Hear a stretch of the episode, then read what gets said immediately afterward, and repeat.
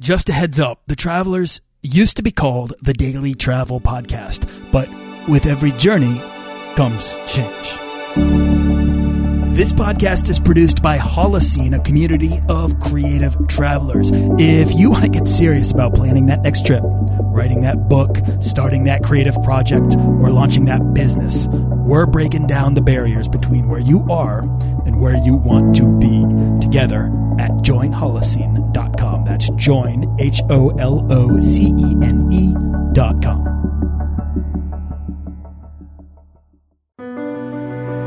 This is episode 17 with Fred Perrotta of Tortuga Backpacks. Do you want to travel further and more often to visit new places and meet new people and expand the role that travel plays in your life?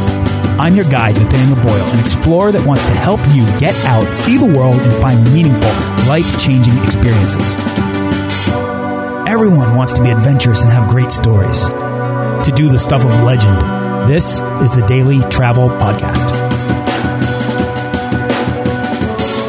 Do you hate searching for low cost flights? Then you'll love today's travel resource. FlightFox.com hires expert travel hackers and pairs them with customers looking for not just a good deal, but the best deal. Here's how it works like the service costs $49. Okay, but if you find flight searches to be stressful, it's worth it, especially since you'll wind up saving more than that in the big picture. I know I've personally done similar work and saved people way more. So check out flightfox.com, get paired with somebody to do the work for you, and stop stressing out. And all of the resources mentioned on this show can be found at dailytravelpodcast.com slash resources. I curate them from personal experience and the recommendations of all my guests who are amazing world travelers and industry experts. So whatever it is you need help with, there's a good chance there's something there that's got you covered. Okay, Fred Perrotta is a world traveler, entrepreneur, startup marketer, and co-founder of Tortuga Backpacks, which in 2012 was named on Entrepreneur Magazine's 100 Brilliant Companies list. And the backpacks sure back that up. Uh, I've seen them, I've checked them out. I think they're awesome. So I'm kind of excited to have Fred on the show. Fred, what's up? Not too much. Thanks for having me on the show. No, thank you for being here. Uh, where are you coming from right now? I am in San Francisco, which is a little cold at the moment. Yeah, well, I'm in Boston and it's actually snowing. So, so I rescind my comments and feel guilty now. uh, okay, so I've given kind of a general overview, but I want you to tell us about yourself, who you are, and how you got started traveling. Sure. I am Fred Perrotta. Since this is a travel show, we'll give some uh, geographic markers. Originally from a little bit north of Pittsburgh. Uh, went to school on the East Coast and then have been out here on the West Coast uh, for about six years now. Um, and I, I actually got started traveling late. I always wanted to travel, but it just wasn't something that uh, kind of came up when I was younger, aside from some trips around the States and some vacations, uh, and really didn't get my start until after college. Uh, even tried to study abroad in college. Uh, that didn't happen, but uh, got started in about 2009 and was pretty quickly hooked and haven't stopped since. So what hooked you? Like, was there a time in which you knew you'd never stop traveling? Yeah, I, I think I benefited from the first trip just being a really great one. Um, so obviously, I was very excited to travel in general because I hadn't had the chance to previously. So uh, this was 2009, kind of as the recession was hitting, or we were sort of getting there.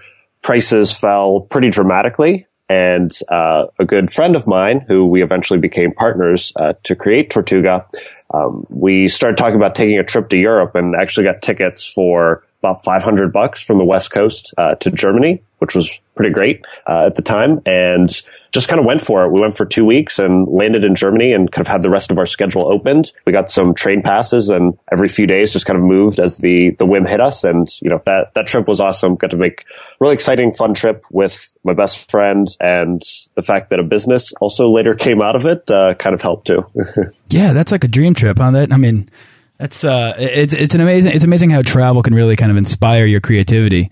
But if that can happen with somebody that you know you trust or or somebody that also inspires you, uh, I mean, well, look what happened. Yeah, it kind of ticked all the boxes, right? The the trip was fun, had good company. Um, you know, some great stuff came out of it later. Versus, you know, some people maybe go somewhere and don't like where they end up, or go with a friend and you know you're fighting the whole time or whatever, uh, and maybe have have a worse experience. But uh, I kind of got the best of everything on my first trip, so uh, that really hooked me. So, how often do you travel these days? Um, it varies. You know, I do uh, usually a few trips within the states per year, and a lot of that is based on um, seeing family, business travel, that kind of thing. Uh, but I still try to get out of the country at least once or twice a year. Um, and that, that kind of varies again by, um, you know, what's, what's on the docket work wise. So for example, I have a, a trip coming up, uh, going to China to meet with the factory that we work with for Tortuga. But since I'm flying all the way to Asia, decided I would also tack on some, some leisure travel around the work. So, uh, going to be gone for, for a decent amount on that trip, uh, visiting kind of making my way north through Vietnam, uh, going to Hong Kong, and then also into into China. Like I said, do you have like a, a favorite travel quote or anything that might kind of inspire your travels? There's one that I I kind of started to like the first time I heard it. Um, I was working with a company called We Hostels, and they actually put this quote on a shirt. And then I later started noticing that everyone who saw it loved it and would make the point that you know usually they don't like free t-shirts or don't want to add to their collection, but everyone loved this quote so much they wanted the shirt anyways. Uh, and it's J.R.R. Tolkien, and he said, "Not all those who wander are lost." Do you identify with that quote in the way that do you say that you're a wanderer? Yeah, I like that because you know sometimes, like I said, on that that kind of first trip we took, we we landed in Germany, and then we're picking spots on the map pretty much from there. We didn't plan it out ahead of time, and uh, I think there's kind of obviously that's a big benefit to travel. The fact that uh, you can kind of wander around and find some new things. And, you know, I'm not the type to kind of over plan. I like to have a few ideas of what I want to, what I want to see or eat, but, you know, try to keep those flexible. And if I don't see all of them, then, oh well, hopefully I, I saw something else cool instead. Yeah. You know, I mean, now you're kind of speaking my language here because, uh, I feel like it's hard for a lot of people to just kind of let themselves go and get lost in the environments in which they travel to. And so a lot of people don't go beyond the resort walls or they, they, they plan and they don't really stray from their itinerary. Um, and I think that in, at least in, in my experience, I find that I, I discover the most memorable experiences by accident. And if I plan them, I can have an amazing time. But it's, it's the things that I discover off the beaten path when I'm when I stop looking that I never really for, forget. You know, maybe it's just a roaring fire on a rainy day at a little pub in the middle of London that I, you know, I was just hungry and I needed somewhere to eat. And when I walked in, I realized that it was this, you know, I mean, it was just an amazing experience for me. But it was just dinner for everyone else. But those are the real experiences, like you said, that you remember versus, you know, seeing the Eiffel Tower, which you've seen in a thousand pictures and, you know, things obviously look a little bit nicer in person, but otherwise you're kind of crowded there with everyone else who's there to see it, you know, kind of jockeying for space. You take a picture that looks like everyone else's picture, but, you know, like you said, if you walk into that pub and, you know, you take a cool picture on Instagram, those are the ones that kind of resonate with people or you get a good story because you start talking to some random English guy who's gone to that pub every day for, you know, 20 years. Yeah, that's right you generally don't plan. I assume you just kind of get an overview of where you're going, get there, and then kind of hit the ground running. Yeah, I like to I like to kind of read way too much stuff about a place, but and then instead of turning that into you know Monday we're going here, here, here, and then Tuesday here's the list. Um, you know, kind of like to put too much information into my head and then you know hit the ground, wander around, and you know certain things will kind of stick and Others, you know, maybe you do want to look up that one place to get that certain meal that's great. But uh, yeah, otherwise, like to keep it like to keep it pretty flexible, and that's that's kind of a good tip for if you're traveling. Make sure whoever you're traveling with has the same style. If you have someone that likes to play it loose and someone who likes to overplan, that can kind of lead to some conflicts. So uh, make sure you kind of talk that through with your your travel partners before you go one of the things I want to do with this show is inspire people to go from kind of tourist to explorer, you know, and I and I want to uh, uh, help them get there. So, do you have any uh, advice for anybody that might be kind of afraid of stepping off the beaten path for whatever reason, whether it's you know fear of being taken advantage, fear of getting lost? Uh, do you have any advice for them to kind of maybe just go exploring? Yeah, I mean, part of it is just to to make sure you understand the risks of of anywhere you're going. Um, so, for example, this is uh, the first time that I'm going to Vietnam. So, you know, I've been reading a lot about it, and most of the negative stuff I've read isn't you know, it's not like there's violent crime or tons of pickpocketing or anything like that. But some people have been uh, offended or kind of put off by some of the the haggling or ending up paying a higher price than the locals do. But you know, some of that stuff, like you said, you used the phrase earlier, take it with a grain of salt. You know, just know kind of what you're getting into, what are the you know risks or downsides of anywhere you're going, and um, use your head and stay alert is going to cover you about 99% of the time.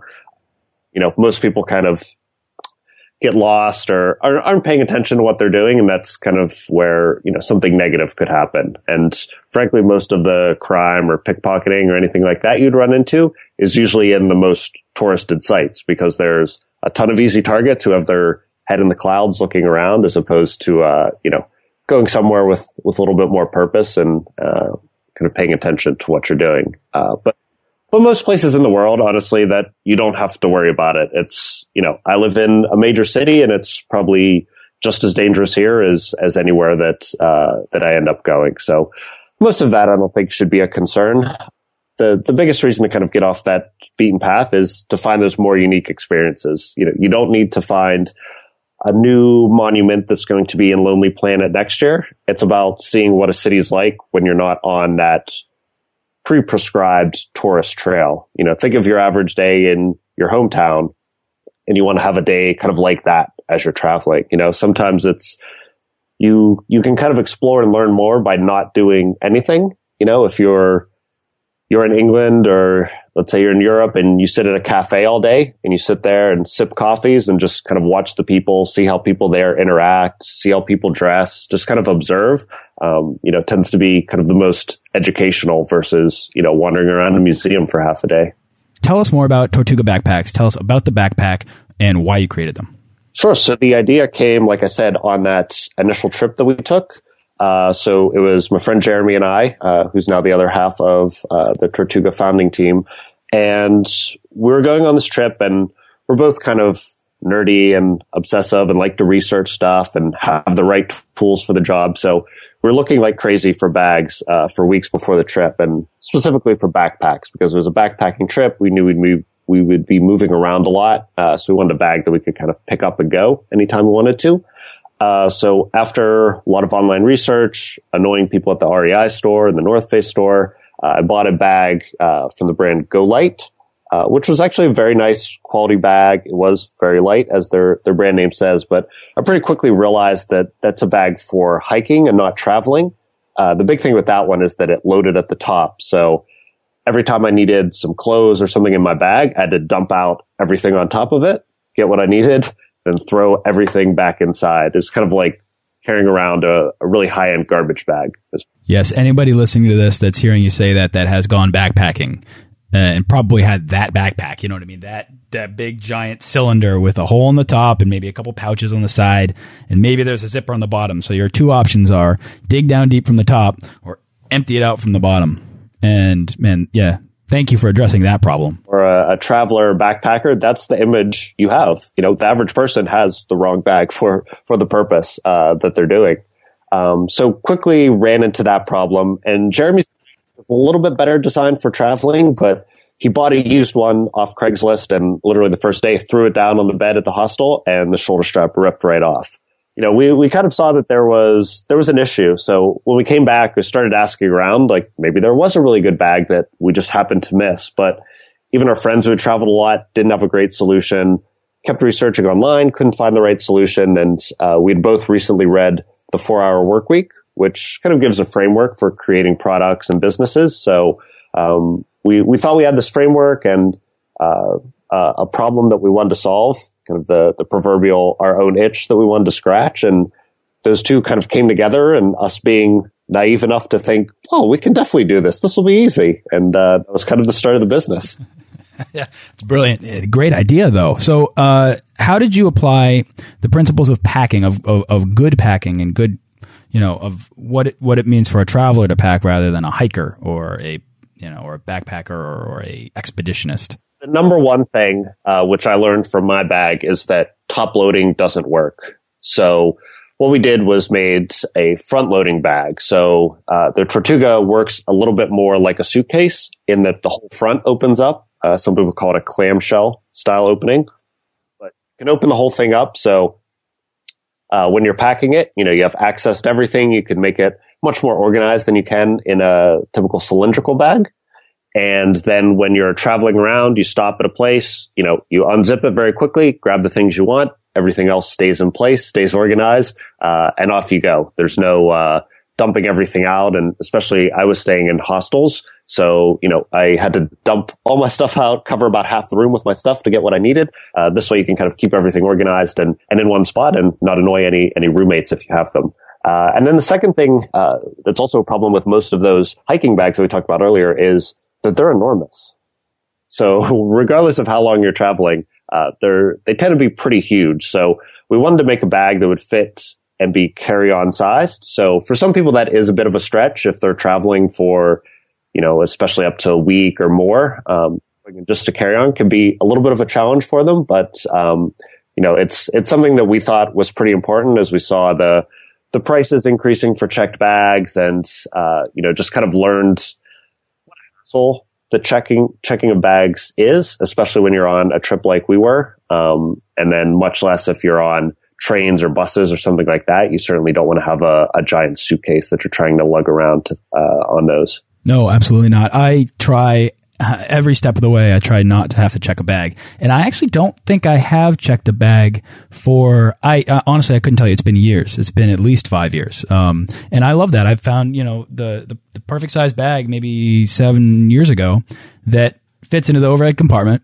but I can also fit, you know, about a week's worth of clothes into. So it's kind of finding that happy medium. Tortuga backpacks appear to kind of uh, uh, take that similar approach of kind of optimizing what you can get in there uh, within a compact space, but that kind of is only as big as it needs to be. Yeah, there's so the the rules differ a little bit between airlines, especially some of the budget airlines can be a little bit more strict, but on average most of them allow you uh, a bag that's 22 inches by 14 by 9. So that's exactly what we made the Tortuga. Um, rounded some of the corners a bit to to make it look pretty, but tried to maximize the space that you're allowed. Uh, you know, if the airlines are going to give it to you, might as well take advantage of it and have as much space as you want. You don't always have to fill it just because you have the space, but uh, you know, for for people that are traveling a little bit longer, sometimes it's it's nice to have that constraint and you suddenly realize that a lot of the stuff you planned on packing, you, you really don't need either before you pack or maybe as you travel, you realize that, you know, that extra pair of shoes you would have worn it once and carried it around for a week for no reason. The one piece of advice that I often give people to, about packing, and this is the best piece of advice that I have, is let your bag determine what you bring, not, not, you know, what you bring determine which bags you're going to pack. Because if you kind of pick a bag that you enjoy carrying around that isn't a pain, that's not going to, uh, you know, ruin your trip or make it more difficult to, to be mobile on your trip, then, you know, pick that bag and pack it, pack that bag and bring it. And then you'll, you'll be more flexible on your, in your travels and you won't overpack. And I, I feel like that's the best way to kind of get people to limit what they pack and think about it in a more limited way. Yeah, I don't I don't know what the the psychological thing is that brings people comfort having a lot of stuff around or, you know, kind of just in case. Um, but yeah, once you kind of get over that initial fear and trepidation, you suddenly realize that, you know, you didn't need a lot of that stuff and you're able to travel not just cheaper by not checking bags, but with a lot less both physical and mental burden of all that extra stuff and all that extra bag. Suddenly you don't have to worry about it. And, you know, if an opportunity comes up to run across town and grab this train to another city because there's something fun going on tomorrow, then great. You grab your bag, you throw it on your back and away you go. Yeah. Awesome. Love it. Okay. Fred, this is the part of the interview where we boil down the how and the why of travel into pragmatic advice. So, a sort of lightning round. I'm going to hit you with some questions and, uh, You'll just come back at us with great answers. Are you ready? Let's do it. All right. For a lot of people, taking the first step out the door can be the hardest part of travel. So, what's your advice for anyone dreaming to take that first step to becoming a world traveler? I think, like starting anything else, you have to kind of, like Nike says, just do it. You know, set up an alert for somewhere you want to go to, and as soon as you see a cheap ticket, book it, and then you've committed the money. So everything else you're going to have to figure out and fall in line buy something. the biggest hurdle for most people who want to travel more is cost. Do you have any secret money saving tip or travel hack? I've got all kinds of them. Uh, but the first one would be find a credit card that has, uh, that's designed for travel and make sure it has a big sign up bonus. So that way, when you get the card and usually spend a few dollars uh, in the first few months, all of a sudden you've got 20, 30, 50,000 frequent flyer miles. And that's good enough for a trip uh, within the country and maybe even outside the country. So suddenly you, by spending a few dollars that you would spend otherwise, you've got enough points to, to go somewhere without spending any extra money. There you go, Fred. Now you're talking my language. There are uh, so many flight search tools out there. What's your process for finding the cheapest airfare? Uh, I usually like to start with Hipmunk to get a sense of what's available and what kind of stopovers and things like that there are. Uh, and then kind of depending on the trip, I'll try a few other sites. Uh, one that a lot of people don't know about is Skyscanner, S-K-Y-S-C-A-N-N-E-R, uh, based out of the UK, but they tend to have some pretty cheap trips and that's a good one. Between that and kayak, you can usually find the best rate and then uh, book it from there. That's right. And Skyscanner is also very valuable for determining who flies where and kind of mapping out your route. Uh, do you have a uh, favorite internet travel tool or resource? So many. I guess uh, one that I would recommend uh, for people, especially as they start traveling, is to use TripIt, uh, which it has a website, but I, I really like the app also. Um, and what you can do there is every time you get a confirmation email for flight, rental car, hotel, anything, you forward it to TripIt and they consolidate everything and organize it. So you're not trying to manage your trip from all these emails and printouts. You can go into the app and it says, here's your flight, here's the time, here's your hotel, here's a map, how to get there, um, and all your confirmation numbers, everything you need is all pulled together. Um, kind of take some of some of that logistical work out of uh, out of the process for you. I love that app, and I would highly recommend it as well. All right, Fred, do you have a favorite travel book? One of my favorite books that I've ever read, and this isn't there's no international travel in this one. Uh, very simple, but uh, really like On the Road. And again, that one, you know, they kind of drive around all over the country uh, in On the Road by Jack Kerouac. What I really like is just kind of the spirit of fun and adventurous and wandering travel in that book. And when you read it, you, you kind of can't help but read it really quickly at, you know, 100 miles an hour. And it feels like you're driving across the country at 100 miles an hour and you're in the car with these guys. And by the end, if you don't want to go somewhere, you, you're probably never going to catch the travel bug. yeah. I think that that book, when that book came out, it inspired a generation. And what's amazing is it, it, it remains timeless in that pursuit of inspiring more and more people to just get out there. And if you haven't already, you can get this book or any book mentioned on this show for free from audible.com by going over to freetravelbook.com. So check that out. Do you have a favorite piece of travel gear that you take everywhere you go? You mean aside from my backpack? exactly. Yeah. um, I, have started uh, to use. I was never the most organized packer, but I've started to use packing cubes, uh, which is something I'd recommend for people, whether or whether or not you're super organized and have everything into all these great cubes and compartments in your bag uh, or not. The way I usually use it is I like the two sided ones. That way I can kind of separate the clean and the dirty of, you know, underwear or socks or whatever it may be. Uh, and helps keep me a little bit organized. And that way I'm not wearing something multiple times and, or wearing anything uh, too smelly or dirty. All right, Fred, what's the weirdest thing you've ever eaten? I, in Australia, we were on a kind of a walking tour and they picked up these, it was some sort of ant and you were supposed to eat not just the ant, not the whole thing, but the backside of it. So the ant's butt, essentially. Um, didn't really taste like much, but I ate it. right off, right off the, uh, right off the earth. exactly. How big was it? Um, it was pretty small, like just kind of your average uh, black ant size. Yeah. Okay.